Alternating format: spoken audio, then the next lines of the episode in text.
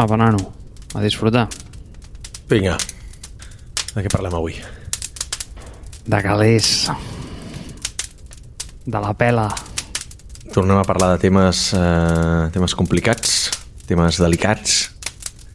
No, perquè aquesta vegada no ho fem perquè ens vingui de gust, aquesta vegada ho fem perquè ens ho han demanat. I quin gust fer les coses quan te les demanen, eh, Àlex? Bueno, però perquè ens ve de gust, perquè si no ens vingués de gust podríem ignorar el que ens demanen també, t'ho dic. Vull dir, si ens fan si algun, a veure, aquesta proposta perquè és bona vull dir, ens han fet, de moment ens estan arribant peticions de bons, de bons programes no? de bons temes per tractar el dia que arribin peticions de merda serà el primer que diré anem a ignorar això perquè algun dia caurà la primera que dirà però de què, sigui, de, què, de, què vol dir aquesta persona saps? però bueno, aquesta és interessant Aquesta és interessant i des d'aquí, com sempre, convidem a l'audiència a que ens tiri més temes i propostes de les que parlar, de les quals estem encantats. L'Àlex i jo tenim opinions pràcticament de tot i si no les tenim ens les inventem o fem recerca, depèn de, qui, de quin individu sigui. Eh? Però mm, aquest en concret ve de l'Adrià eh, i sé que ho va demanar fa temps, eh, però, home, és que tenim una agenda, vull dir, anem apretats, vull dir, això ens ho preparem, alguns, no? Llavors, ens conviden a altres podcasts. Eh, tenim, fem gestions amb Apple, amb el senyor Tim Apple, que ara ens ha posat a la secció de podcast en català, al costat de el Crims, de la Sotana i la competència, i, i per sobre del Basté, que per mi això ja és life achievement. qui deu ser el team aquest, tio? Ser un becari, no, aquest? Sí. sí. Però tu saps la història de Tim Apple, no? No sé la història de Tim Apple. No saps la història de Tim Apple, tio? és que això va ser el Trump, que un dia llegint les notes de, de, de que li havien, el típic document que els donen al briefing d'una reunió que havia de tenir amb gent del món de, de la tecnologia en la qual hi havia Tim Cook, doncs el tio es va fer eh, la pitjar un lío i va, el va saludar com a Tim Apple, saps? va dir Tim Apple. Déu meu, quin drama, tio. O sigui, tens com davant probablement és que eh, és el que dèiem l'altre dia de la diferència entre el poder i la eh, i la riquesa. O sigui, com a president dels Estats Units tens davant, a part del tio que manega la companyia més valuosa del món, probablement un tio molt més influent que tu, eh, potser no directament, Correcte. però ostres, a l'hora de, de, de crear producte i de tenir un impacte en la societat, exacte, tio, igual o més influent que tu. I paio, li dius, Tim Apple, home, xato. Eh... És que... és que és molt bo, tio. És que... I ara és molt perquè si tu, si tu busques eh, a tot arreu, eh, per, per Twitter, tot això, moltes vegades la gent ja per trollejar ja posa Team Apple, saps? En comptes de Tim Cook, saps? Quan han de fer tuits una miqueta com graciosos sobre, sobre, sobre Apple. Sí, març, eh, sí, març del 2019, eh, Donald Trump va ser en un meeting amb una... El, hòstia, American Workforce Policy Advisory Board, saps? Vull dir, una cosa que sona com a molt rimbombant, eh, no sé ben bé per què era, doncs sí. I de fet, ah, espera, espera. es, es veu que a Tim Cook es va canviar el seu nom a Twitter, posar-se Tim Apple, quan va passar això. Boníssim, tio. O sigui, el trolling el va continuar el mateix Tim Cook que avui en dia ja no ho deu tenir, eh? però ja només que ho hagi tingut unes hores em sembla magnífic que ell mateix hagi posat Team Apple. Àlex, ens hem distret, com sempre. Tu, que estàvem, sí, no, no seria parlant... No, està bé, està bé, està bé. Està bé Però quanta gent no coneixia aquesta història? Eh? Quanta Mira. gent? Bueno, què ens ha demanat l'Adrià, tio, de diners? És interessant, perquè ens ha demanat i i, si plau, i, i això abans no ho deia, eh? però ara ja... Mira, cada vegada que parlo d'algun tema sensible, tipus nutrició, mm, temes financers, això no és consell financer. Val? O sigui, en cap dels moments i mai ho serà. Correcte. Perquè... Fiquem la falca.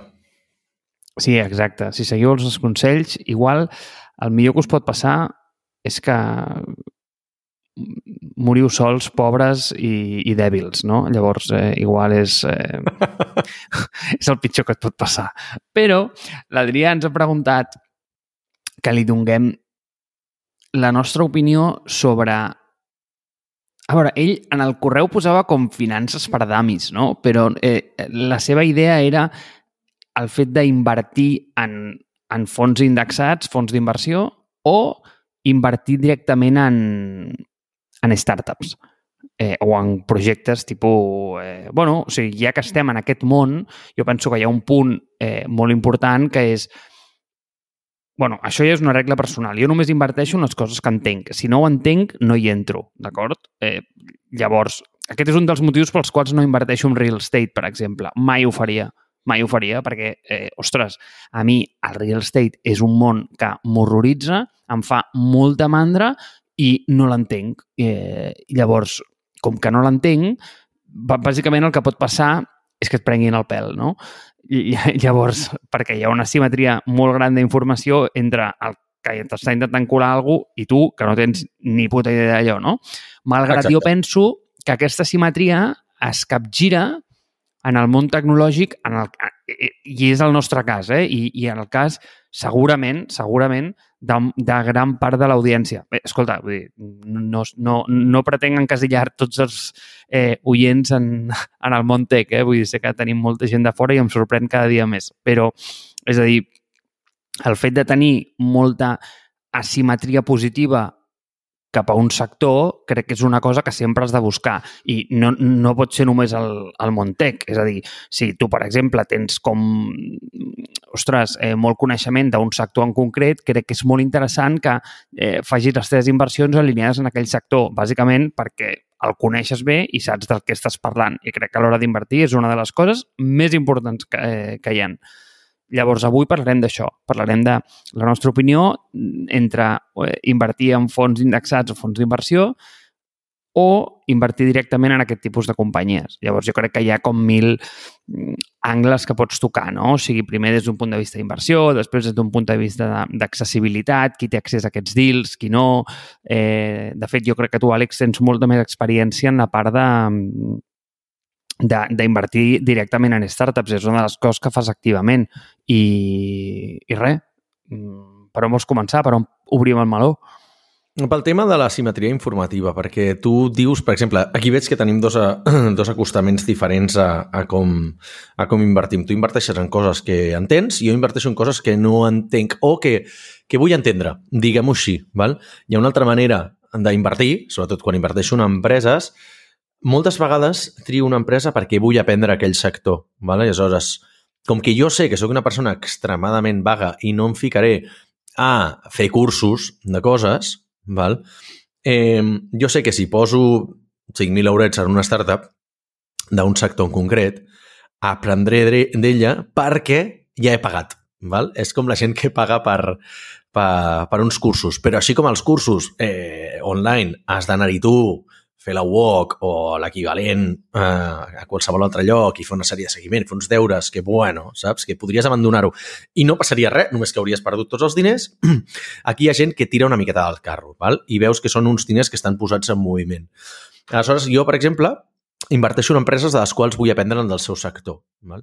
He de conèixer el mínimament. Val? O sigui, jo, per exemple, per fer una miqueta el, la descripció del tipus d'empreses en les que inverteixo. Són empreses tecnològiques, generalment eh, B2B o B2C, que encara no saben que faran B2B. Val? Tinc tres o quatre sectors en els quals intento no invertir, val? Si, de fet, mira, vaig invertir en una empresa de blockchain, però perquè era un tema de, de votacions electròniques, no perquè m'agradi el blockchain. Val? Però no he invertit en NFTs, no he invertit en no he invertit en criptomonedes, no he invertit en tecnologies que considero que són molt especulatives, val?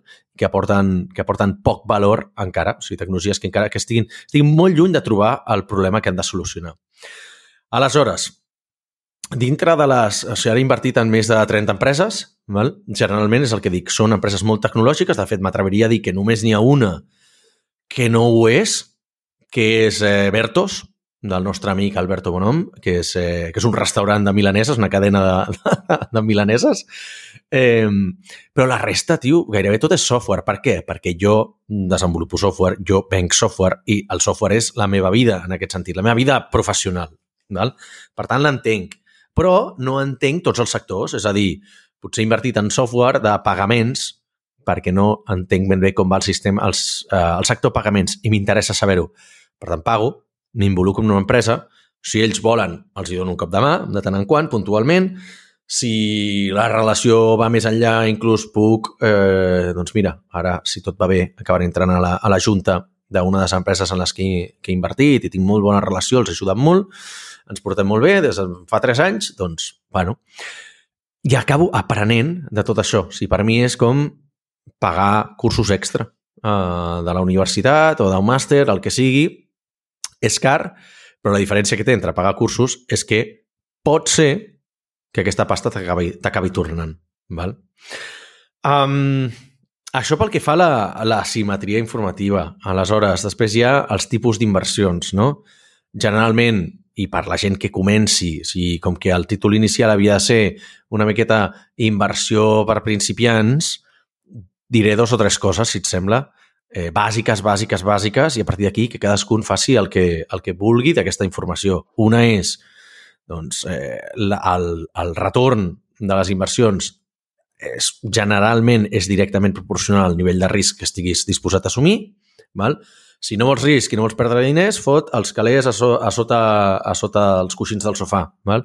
Si, si vols dir, una miqueta de risc potencialment guanyar alguna cosa, doncs potser tens eh, certs productes com podrien ser els, els ETFs, que són uns valors bastant segurs i que tenen un retorn que va per sobre del cost de, de l'increment del cost de la vida.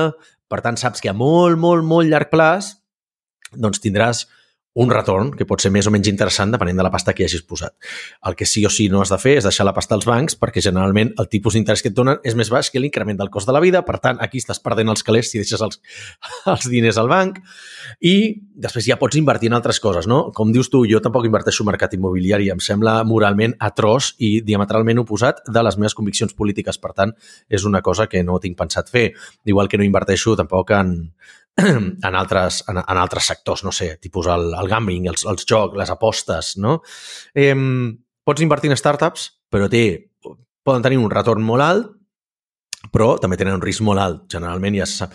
Lo típic, 90% de les startups peten. Bueno, i les que no peten, també t'he de dir que igual, com a molt, et tornen els mateixos diners que has invertit. Per tant, bueno, a tu mateix has de calcular si et val la pena o no.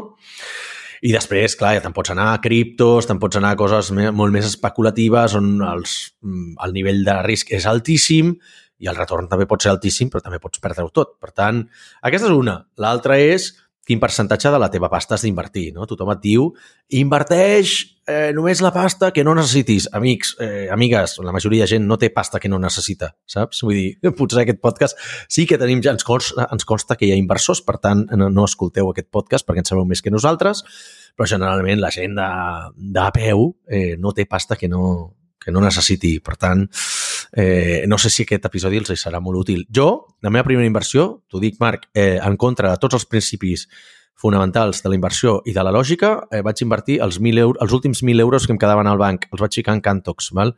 Eh, avui en dia, doncs mira, m'ha suposat un retorn de per 3 perquè l'empresa es va vendre al novembre passat i encara no he vist els calés perquè, hòstia, regulació, eh, tot el tema del routing dels calés, etc etc intermediaris, trigaré temps a veure, a veure els calés, no? Tu diràs, bueno, per 3, hòstia, no està mal. Bueno, dintre startups un retorn molt baix. Val? Vaig invertir, l'empresa ja ara estava en una etapa molt avançada i tampoc, o sigui, no em canvia la vida a mi els diners aquests. O sigui, haver ficat 1.000 euros al 2015 que eren els últims 1.000 euros que tenia el banc, que sí, movien l'agulla, a que m'arribin a 3.000, 3.000 dies a 3.000 euros, avui en dia, a mi no em, no em bueno, si em compraré una guitarra nova, saps, em pagaré unes vacances, però, però ja no, no em canvien la vida, no? Aleshores, eh, dins del món de les startups, el que estem acostumats a veure, les notícies que es comuniquen, que també és una miqueta viatge de supervivència, són la gent que ha multiplicat per 40, per 200, per 80, saps? Hòstia, vaig ficar 10.000 euros en, en Globo com a primer inversor i, clar, aquells 10.000 euros s'han convertit en, en, en mig milió. fantàstic, però d'aquests casos n'hi ha molt pocs. Eh? Però bueno, jo, escolta, jo aquí estic deixant en, anar una torre eh, important, no sé per on ho vols conduir, això. Àlex, tinc claríssim per on conduiré. Molt clar, Vale. molt clar. Val. Fixa't. Abans que res, petit incís i petit matís sobre el que has dit, i és que crec que m'has entès parcialment. És a dir, quan jo em refereixo a invertir en coses que coneixes, m'agrada molt, eh, el teu approach de invertir per aprendre, però jo penso que tu sí que fas això. És a dir, el... només inverteixes en el que coneixes i evidentment, és interessant el que dius, que, ostres, vull aprendre d'aquest sector, tal, sí, però el teixit que hi ha sota sempre sol ser tecnològic. O hi ha una capa de tecnologia que entens. És del mundillo, Àlex, en, en, en, Val. perquè m'entenguis. És a dir, era això al que em referia. Eh, Val. ja sé que, clar, si no, mm, jo què sé, eh, jo només podria invertir en, eh, en empreses de, de podcasting, de salut i de cotxes, saps? Eh, però crec que és més un tema de el mundillo aquest tecnològic startup i a partir d'aquí tu ja diversifiques i dius, vale, ara vaig a ser més piqui, vull aprendre d'això, inverteixo en aquí, em sembla molt bé, i em sembla un approach superinteressant, però crec que sí que fas una mica el que, eh, Vale. el que jo predico. Val? Uh -huh. Llavors, em dius, ostres, però no vols conduir? Molt bé. Jo el que vull és tirar un passet enrere val? i explicaré la única cosa que jo he après d'inversió. De fet, són dos. Només n'he après dos. És, bueno, és una llàstima, però és, és, és, és tot el que tinc a dir. Val? Però crec que és interessant. A veure què en penses. I això explicarà el motiu pel qual tu seràs ric. Val? Jo o l'oient? No, Tu, tu, Àlex, tu. Jo com a Àlex, val. Explica'm com he de ser ric, perquè m'interessa. No és el meu somni, eh? però si m'ha de venir, vull saber com i quan. Em deixarà més tranquil. És que igual no m'has entès. O sigui, el que vull explicar-te és com tu seràs ric, però no, tu no has de fer res. O sigui, jo simplement t'explicaré eh, i seré com aquest Val. mm, eh, futurologist que veurà el futur com aquest... Eh, com es diu això eh, en, en català? Com un, un, adiví, un... Eh, El... Ah, espera, espera, espera, espera, sí, uh, l'oracle. a l'oracle! Seré l'oracle que ensenyarà perquè l'Àlex serà ric, ¿vale? Llavors, mira, Val. això ho lligo amb les dues coses que he après. Mira, en primer lloc, tu, jo i tothom, Tu, tots, tothom. Sí. tothom mm, sap el que ha de fer, però no ho fa. És allò de que tots, si el que necessitem és més informació, tots seríem eh, milionaris eh, amb, amb el six-pack, no? I no ho som. Clar, llavors, per què no ho som? Perquè invertir correctament fa por perquè va en contra de la nostra percepció lineal del món. Què vull dir amb això? Val. Amb això vull dir el següent. Ningú s'ha fet ric cobrant una nòmina o tenint un tipus d'interès del No. 2%, com tu dius. Vale, fins aquí estem d'acord. Llavors, com un es fa ric? Un es fa ric entenent primer un petit principi, i és que la inversió o la riquesa és un fenomen social i generalment els fenòmens socials segueixen una distribució logarítmica. Què vull dir amb això? L'exemple de Bill Gates en un bar. Si tu poses, si tu poses Sí. un poble de 10.000 habitants, vale? tens gent, i en aquell poble hi fots a viure eh, Yao Ming, que ara jo crec que era el tio més alt del món, la mitja d'alçada d'aquell poble no canvia. Vale? No, perquè és la mitja, exacte. Sí, però l'altura és, una, és, un, és un fenomen natural i els fenòmens naturals generalment segueixen una distribució gaussiana, eh, una Sí. campana, de la mítica campana. Llavors, si Sí. tu fots un tio extrem, això generalment es dilueix. És com... Sí. Eh, pues això, si poses el tio més alt del món a, en un poble, eh, aquell poble no serà el món amb l'altura mitja més, al, més elevada del planeta. Mm, Serà el mateix perquè haurà pujat pràcticament res, negligible, perquè és una curva gaussiana. En canvi, Sí. en canvi, si en aquell mateix poble hi fots a viure Bill Gates, aquell poble serà el poble eh, amb la, mm, anem a dir, com, eh, com amb el PIB per càpita més alt del planeta. Segur. Perquè què passa? Que la riquesa segueix patrons exponencials i, i per, perquè és un fenomen social. Hi ha un principi, hi ha un principi fonamental també, eh, que és que la diferència eh, de magnituds és molt més heavy. O sigui, el tio més alt del món, si fes tre- 300 metres, sí que canviaria la mitjana. Però, però clar, és una cosa eh, abismal, saps? És clar, vull dir, l'alçada com un tio el més alt del món respecte al tio més alt de, de jo què sé, de Mata de Pera, probablement són 50 centímetres, saps? Que està dins dels paràmetres. Que, Àlex, això significa que no m'escoltes. Com t'he dit, com t'he dit, eh, els fenòmens naturals segueixen Clar. distribucions normals, en general. Exacte. El, el pes, l'altura, mm, etc, etc, etc. Clar, no hi ha diferències tan heavies, vols dir. Clar, això és el que vull dir! Això és el que vull dir! Sí. Eh, però els fenòmens socials, és a dir, els que ens inventem nosaltres, aquests segueixen distribucions exponencials. Llavors, la riquesa ens l'hem inventat. Per tant, la riquesa és una cosa que generalment segueix un, una, una, una curva exponencial no lineal, ¿vale? eh, ni gaussiana. Llavors, a què, Mm -hmm.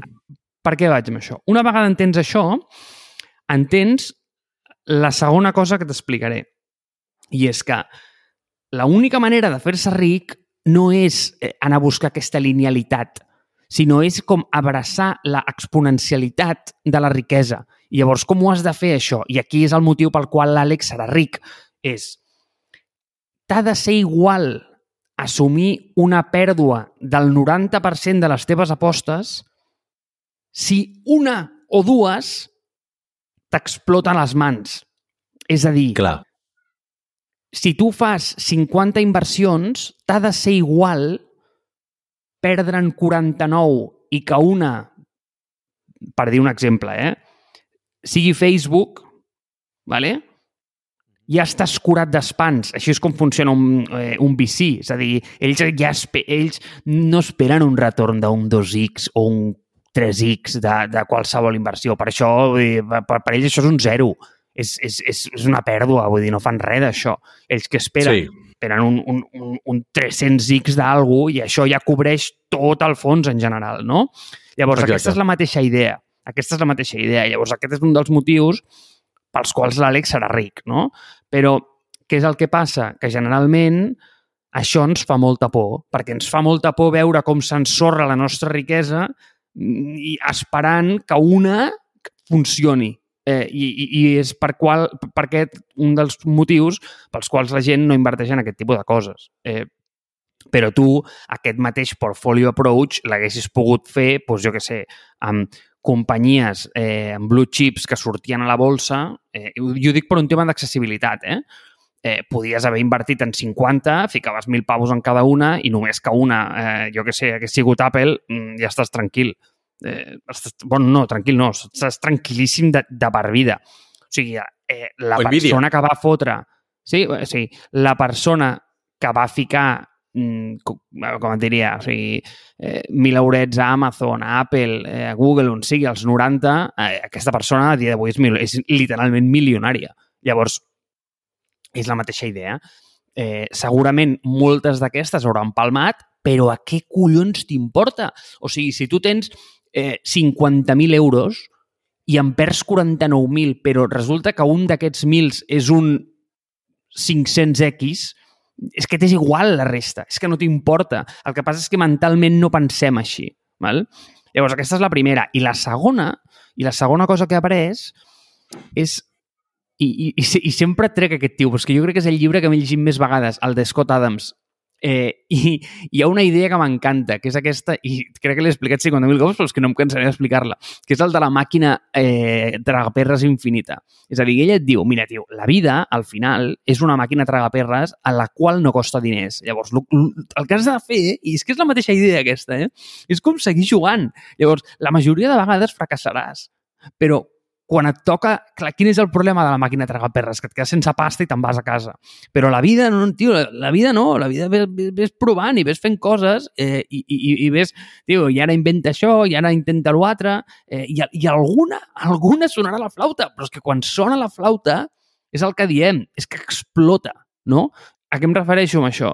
pues Buffett, eh, Warren Buffett tenia aquest dit tan interessant que és el de tio, ser ric és molt fàcil, no? Diu, has de comprar barato eh, i has de vendre car. Ja està. O sigui, si fas això, mm, estàs tranquil. Però clar, eh, llavors això, com es baixa això? Eh, i, com, I com ho portes a la realitat?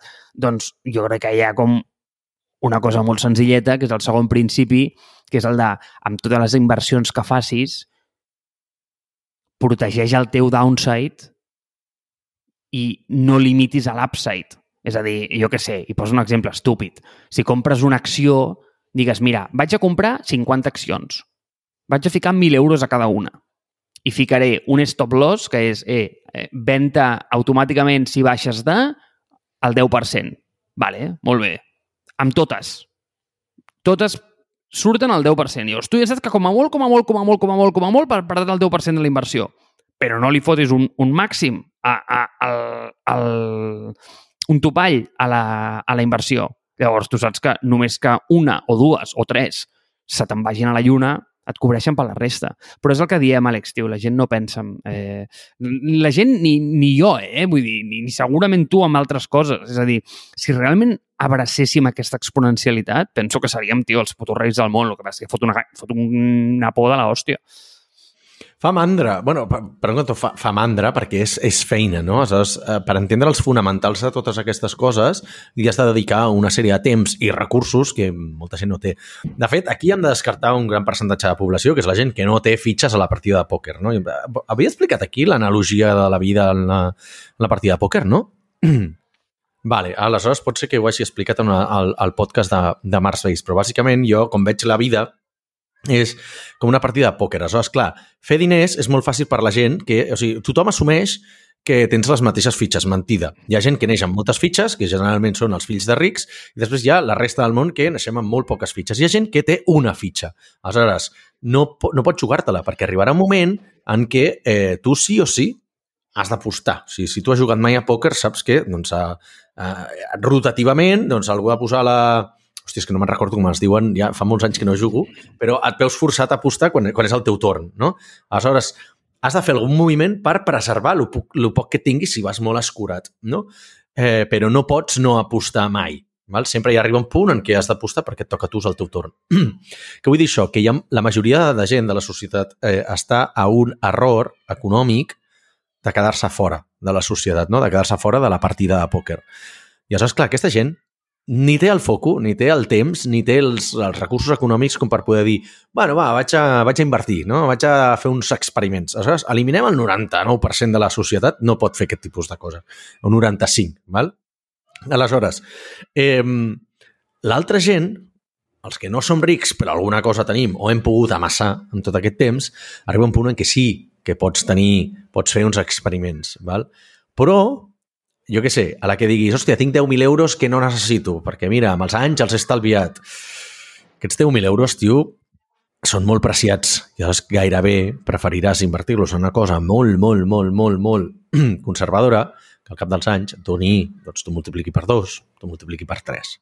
La gent que és fotudament rica, molt malament ho ha de fer per perdre tot el seu patrimoni. I com dius tu, pot dedicar-se a invertir, a invertir eh, en 100 empreses, per dir alguna cosa, en 100 stonks, a la borsa i que una d'aquestes li vagi la lluna i pagui la, la pasta de resta, val? que és com funciona el, el, el capital risc, bàsicament, no? És el que deies tu, menys d'un multiplicador per 5 en una, en una inversió d'un portfolio d'unes 20 empreses, doncs eh, bueno, tot el que estigui per sota de per 5, eh, ells ho consideren com si fos és l'equivalent de per 0. Perquè tenen despeses estructurals, no tenen management fees, etc etc. aleshores no els hi surten a compte. I per temps, per cost d'oportunitat, etc etc. Aleshores s'han de focalitzar molt en les que sí que els hi funcionen. I generalment n'hi ha una o dues, si els hi va bé a cada, a cada, a cada cohort del, del portfolio, que els hi retorna un multiplicador que paga la festa pels demés, no? El mateix que quan inverteixes tu en títol personal en startups, que dius, hòstia, molta gent conec, eh? Que, que diu, hòstia, he invertit en tantes empreses i una em va anar molt bé. Vaig a inversor de Globo, saps? Per dir alguna cosa. Vaig a inversor de Typeform i m'ha anat bé. La resta m'han anat totes malament. Generalment és el que passa, saps? Vull dir, si fos una cosa, una distribució molt més equitativa, eh, potser molta més gent ho faria, no? Si, si més o menys sapiguessis que de, de cinc empreses, tres et donaran un retorn de per 2 per 3, collons, seria el millor producte del mercat, no?, a nivell d'inversió. Digue'm tu si no ho faries. Però bueno, no sé, és que, que per això jo ho veig com que la partida de pòquer de la vida no és, no és, no és justa. Aleshores, però bueno, no ens, focalitzem, no ens focalitzarem en, en la gent que ara no, no hi pot participar perquè crec que aquest podcast tampoc és molt útil per, per ells i per elles, no? Aleshores, aquí els consells financers són per gent que estiguin disposats a tirar els diners, bàsicament. És el que, és el que fas quan inverteixes. El que deia jo abans, a més nivell de risc, més potencial retorn, saps? I aleshores, si tu vols invertir en coses que tenen molt, molt risc... O sigui, per, per donar exemples una miqueta més, més, més, eh, més aterrats, no? Jo el 2020 vaig començar a invertir en bolsa. Per què? Pues una miqueta per diversificar i per entendre com anava, com anava el tema. Eh? I després jo crec que totes les operacions les vaig fer el 2020 i no n'he tornat a fer. Eh, vaig fer alguna de pasta amb GameStop, tu te'n recordaràs de, de GameStop, no? Eh, vaig veure que, més o menys, el meu amic, el Xavi, el soci de la meva empresa, em va dir, tio, o sigui, jo, la meva estratègia era, cada mes ficava, no me'n recordo, crec que eren 1.000 euros, els invertia en bolsa en 10 stonks diferents, val? o sigui, posava entre 50 i 200 pavos per empresa, eh, i una d'elles havia de ser completament random, val? Totes eren més o menys conegudes, no? Lo típic, Salesforce, Nvidia, Twitter, Facebook, empreses així que més o menys tots coneixem i tots utilitzem i dic, bueno, sé com van, per tant, puc predir una miqueta cap a on anirà el seu, el seu valor, Apple, val? però cada, cada cop que ho feia invertia en una completament random. Vale? Una d'elles va ser John Dere, marca, la marca de tractors, famosa, perquè vaig dir, mira, el meu avi tenia un tractor, doncs, bueno, fa gràcia, saps? I vaig invertir en tractors, em sona aquesta marca. Per què? Perquè també vull tenir la possibilitat de tenir l'outlier, no? El de que pel fet de saber massa de tecnologia no em perdi les oportunitats fora de tecnologia i poder tenir l'oportunitat de loteria, de one in a million, d'haver invertit en aquella que ningú s'esperava perquè no té cap tipus de fonament lògic. Val? Llavors n'he fet moltes d'aquestes. John Dere m'ha molt bé, però és que realment li vaig fotre 50 euros o 100. Per tant, bueno, doncs potser l'he transformat en 400, 500, 600, 800 inclús, però no és una cosa super, super significativa és, una, és una bogeria. O sigui, realment, des que vaig invertir ha anat així, perquè s'ha ficat en temes d'e-sports i no sé quines històries han fet que realment els hi han anat molt bé. Um, però, per exemple, el, el gran guany el vaig fer amb GameStop, perquè vaig dir, GameStop, em sona, això eren els Centromail de tota la vida, no? I vaig dir, bueno, doncs jo què sé, i vaig ficar alguna de pasta allà, perquè vaig veure que tenia uns certs cicles, no? Generalment oscil·lava entre 12 euros l'acció i 60, em sembla, eh? Em sembla recordar. I aleshores, clar, eh, parlant-ho amb el meu col·lega el Xavi, ell em va dir, sí, fixa't que aquests tenen pics cada cop que surt una, una consola, eh, una gran generació de consoles, no? I aleshores el 2020 em sembla que havia sortit la Play 5, si no vaig errat, o la 4, no sé. I vaig dir, hòstia, doncs em sona que ha de sortir la nova Play, vaig a posar pasta aquí. I es va complir un altre cop el cicle, no? De, els 12 paus per acció que vaig invertir jo, va pujar fins al màxim, 60 al desembre del 2020 i vaig dir, vale, ara és quan has de vendre perquè és el màxim històric, no? Després aquí n'hi ha cap a baix. I vaig vendre, i crec que no vaig vendre tot, vaig vendre quasi tot. No?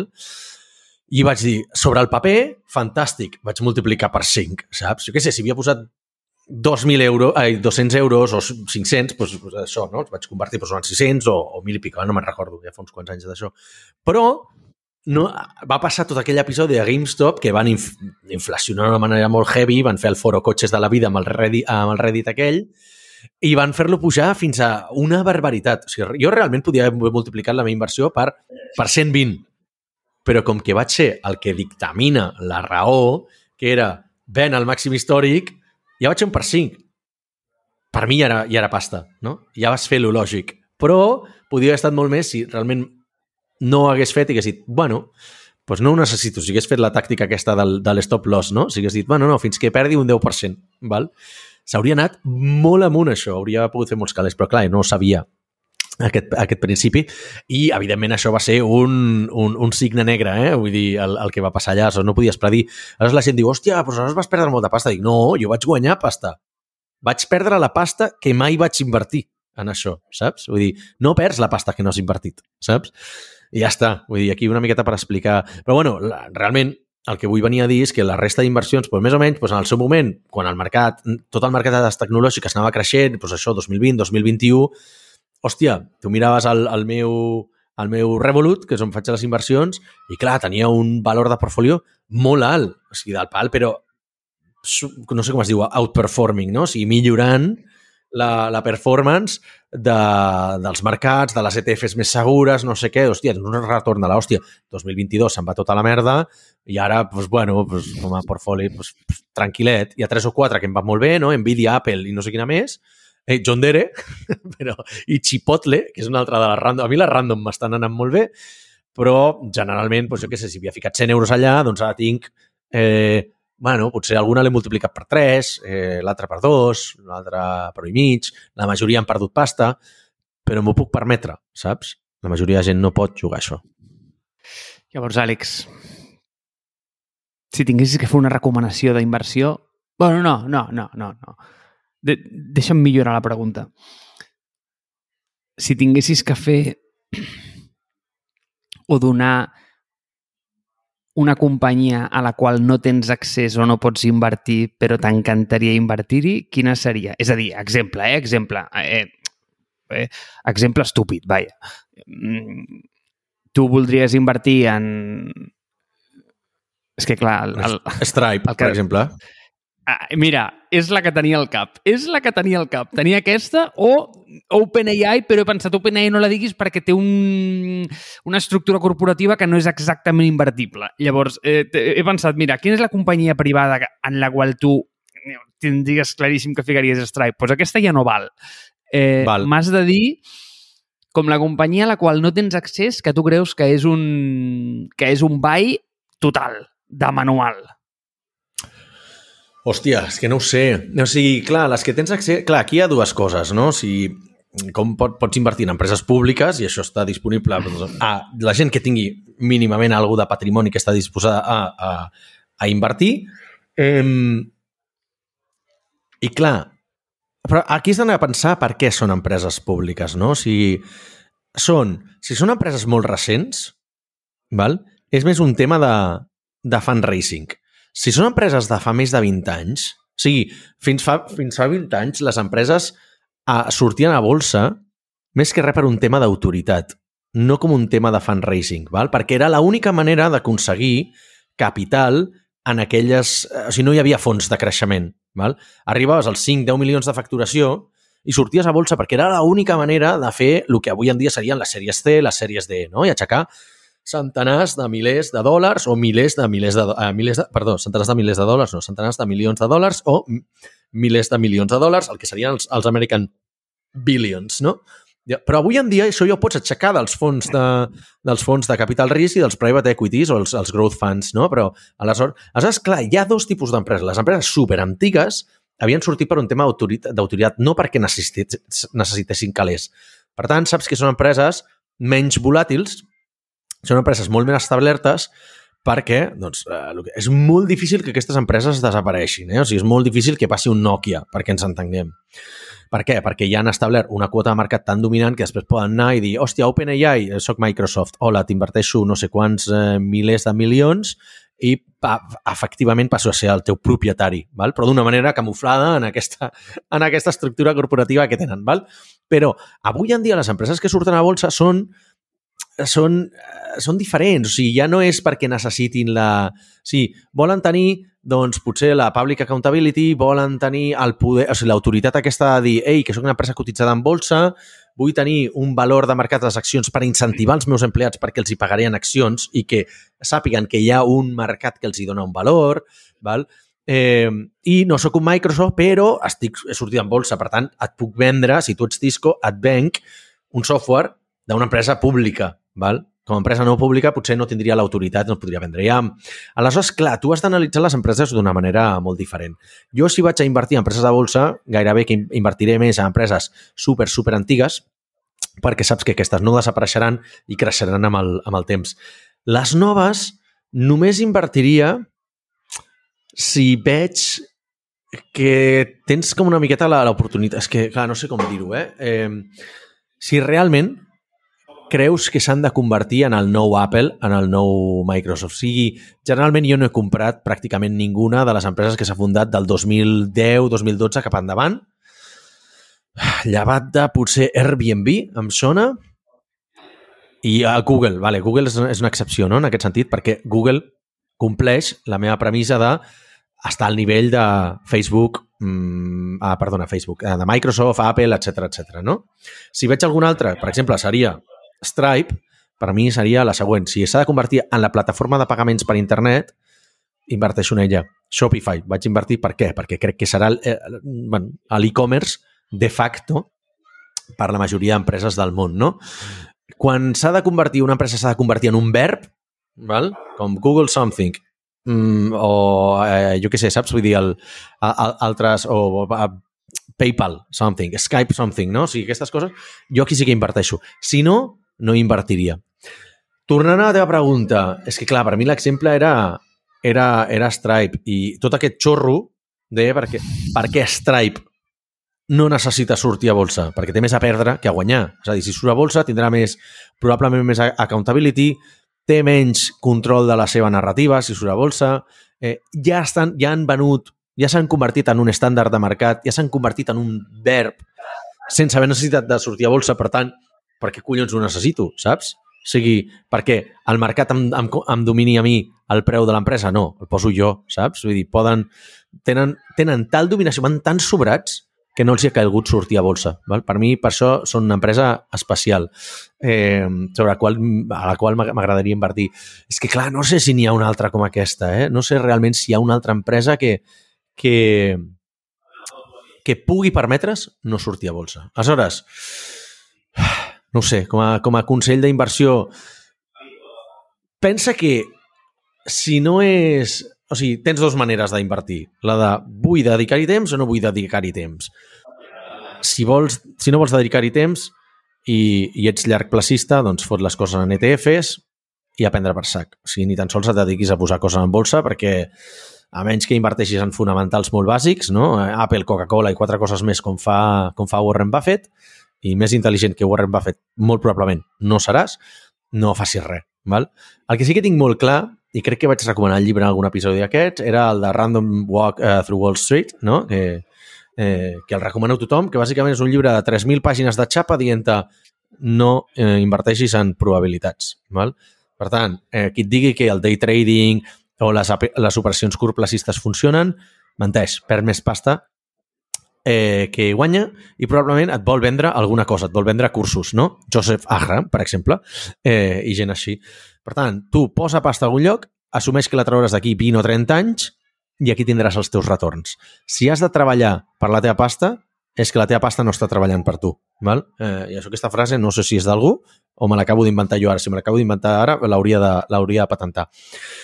Per altra banda, si vols dedicar-hi una miqueta de temps, eh, pots invertir en empreses, val? pots invertir en mil coses més, eh? mercat immobiliari i tot això, si, si, si després eh, no et sents brut a, a la nit, eh, eh, pots fer-ho, eh? o en criptos i coses d'aquestes. Però jo què sé, um, jo inverteixo en startups perquè ja no, no tant pel retorn, sinó perquè per mi és una manera de fer outsourcing, de subcontractar les meves finances, aprendre i passar-m'ho bé. O sigui, jo admeto que m'ho passo molt bé parlant amb les startups amb les que he invertit. No? Doncs ara, puntualment, hi ha una que, hòstia, que està en procés de venda, però se'ls estan acabant els diners i han d'allargar... O sigui, no tenen suficient pasta com per sobreviure al procés de venda. Diuen, merda, si faig fora la gent, eh, les mètriques s'aniran cap a baix, es diluirà el, el valor de l'empresa i potser la venda no serà tan interessant.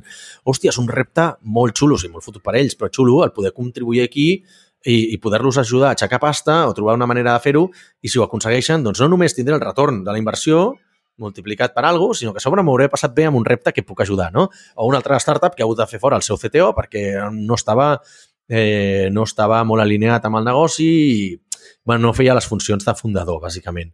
Doncs ajudar-los a trobar un fundador. A les empreses a les que més o menys van bé, doncs ajudar-los a, a la següent ronda. Eh, un altre que em vaig ajudar el seu moment a passar de B2C a B2B. Bueno, jo també estic, estic fent una miqueta un pay to play, no? de dir, ei, puc involucrar-me una miqueta en altres empreses i poder... O sigui, no només em pagaran potencialment, sinó que a sobre puc tenir un impacte, un impacte molt gran. No?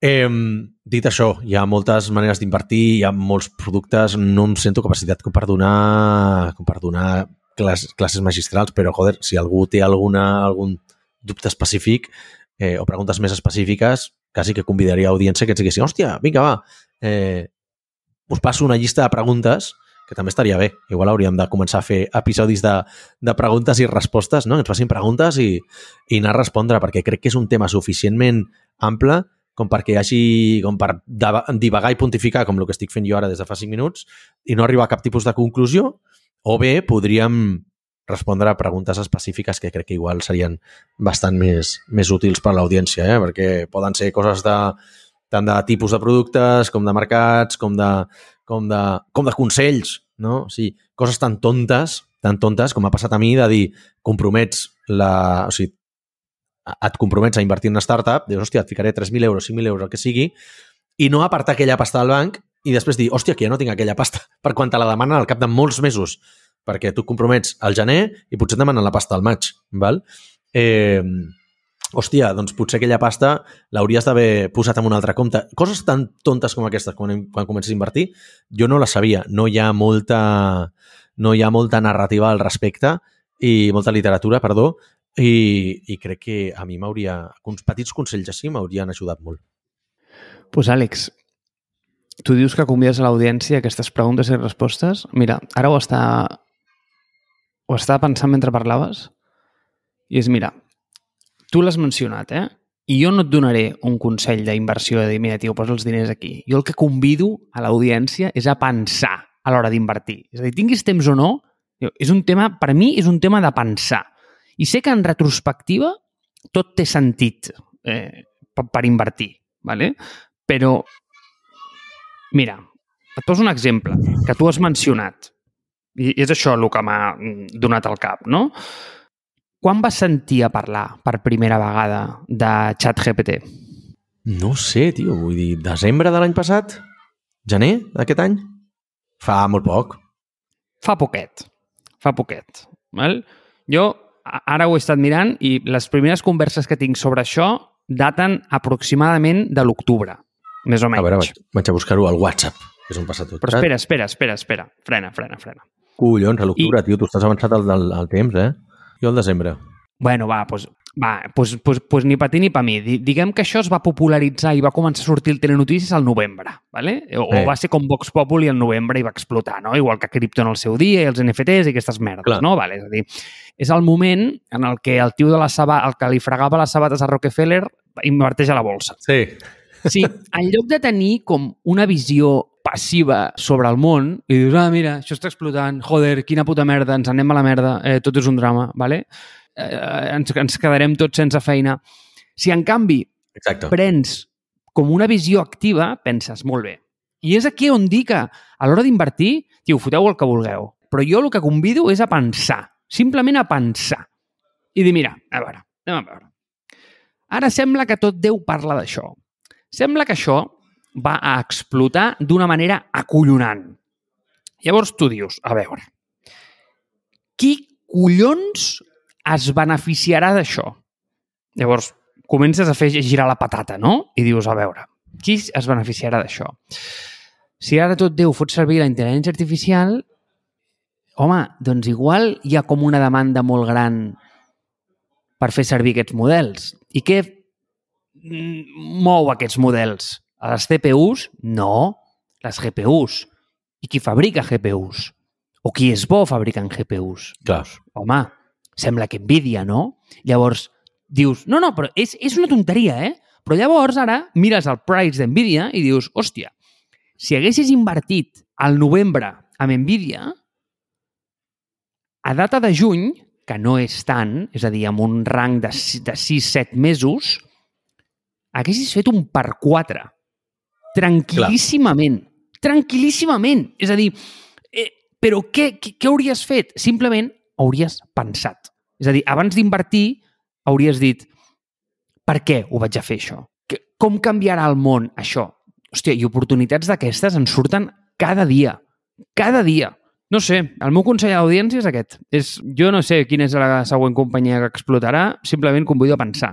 Inverteix, sí, però eh, no ho facis dient, no, mira, aquest fondo està bé, tal, no sé què. No, al final, tio, els retorns passats no tenen res a veure de retorns futurs, no? Llavors, Simplement això, eh, vale, pensar. Un, però, vale, però un, un petit apunt, perquè, per exemple, jo vaig invertir en Nvidia, eh, agost de 2020, i ja estava veient que tinc un 200% de, de, de, de, de guanys. Val? Per què? Pues perquè vaig invertir pensant en les consoles, no en ChatGPT i totes aquestes històries, perquè estava molt lluny encara d'això.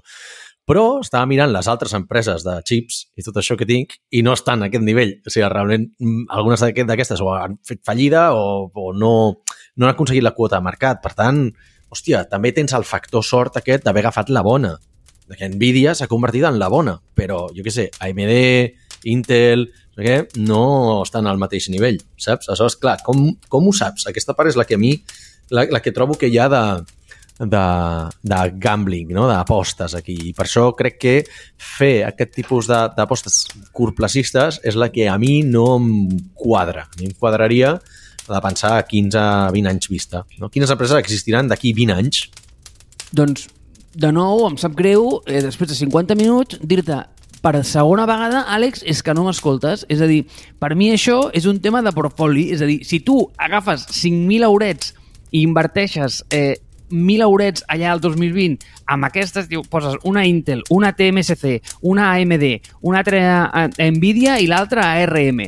Ah, sí, sí. Eh, tot empreses de chips que, tio, encara que quatre vagin malament, hòstia, cabron, has fet un 200X, tio. O sigui, però què m'estàs dient? O sigui, t'és igual perdre 4.000 euros, tio. És la xocolata al lloro, saps o no? Llavors, això és el que convido. Si tu creus que realment el sector dels xips està fort, agafa aquestes 5 que acabo de dir i inverteix en elles. Ara no ho facis, eh? Vull dir, perquè no és un bon moment. Però eh, quan vegis l'oportunitat, fes-ho.